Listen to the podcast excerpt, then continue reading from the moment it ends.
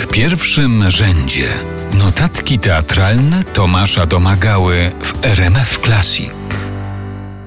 Pewnie już wszyscy słyszeli, że najnowszy film Jerzego Skolimowskiego Jo, opowiadający o naszym pogmatwanym świecie z perspektywy sympatycznego osiołka, otrzymał nominację do Oscara w kategorii najlepszy film nieanglojęzyczny. Mało kto jednak wie, że w trakcie swojej niezwykle długiej, imponującej kariery panu Jerzemu zdarzyło się reżyserować jedno dosłownie przedstawienie teatralne, pokazywane w 1992 roku na deskach Teatru Studio w Warszawie. Nie tylko zresztą wyreżyserować, ale też w nim zagrać i to nie w byle jakim towarzystwie, bowiem główne role w spektaklu, o którym mowa, zagrali Krystyna Janda i Wojciech Przoniak a mowa o chilijskim dramacie Ariela Dorfmana Śmierć i dziewczyna, którego treścią w telegraficznym skrócie jest rozliczenie zbrodniczej dyktatury w osobie pewnego doktora, granego właśnie przez Skolimowskiego, do którego na własną rękę zabiera się jego ofiara, w tej roli Krystyna Janda, odkrywając w pewnym momencie, że w kwestii sprawiedliwości może liczyć tylko na siebie.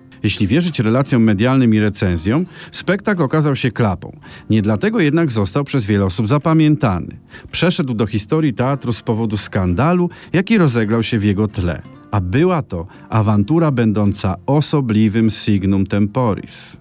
Jako, że mamy początek lat 90., czyli czas, kiedy krwiożerczy zachodni kapitalizm coraz śmielej próbował swoimi mackami wziąć w kleszcze pudzącą się z letargu Polskę, do głosu w przestrzeni publicznej, także w kulturze, zaczynają dochodzić nowe postaci. Inwestor i sponsor, rozpoczynając tym samym triumfalny marsz prywatnego po to, co państwowe. W polskim publicznym teatrze rewolucja ta idzie dość opornie. Śmierć dziewczyna bowiem to dopiero drugi przypadek po słynnym metrze Józefowicza, gdy prywatny producent inwestuje swoje pieniądze w dzieło artystyczne.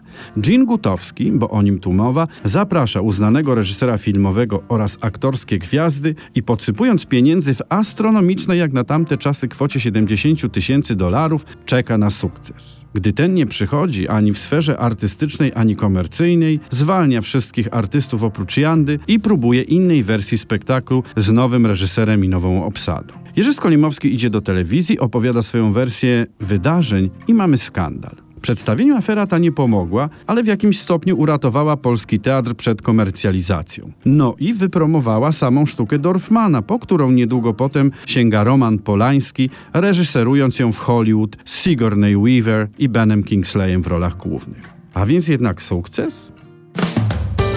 W pierwszym rzędzie notatki teatralne Tomasza Domagały.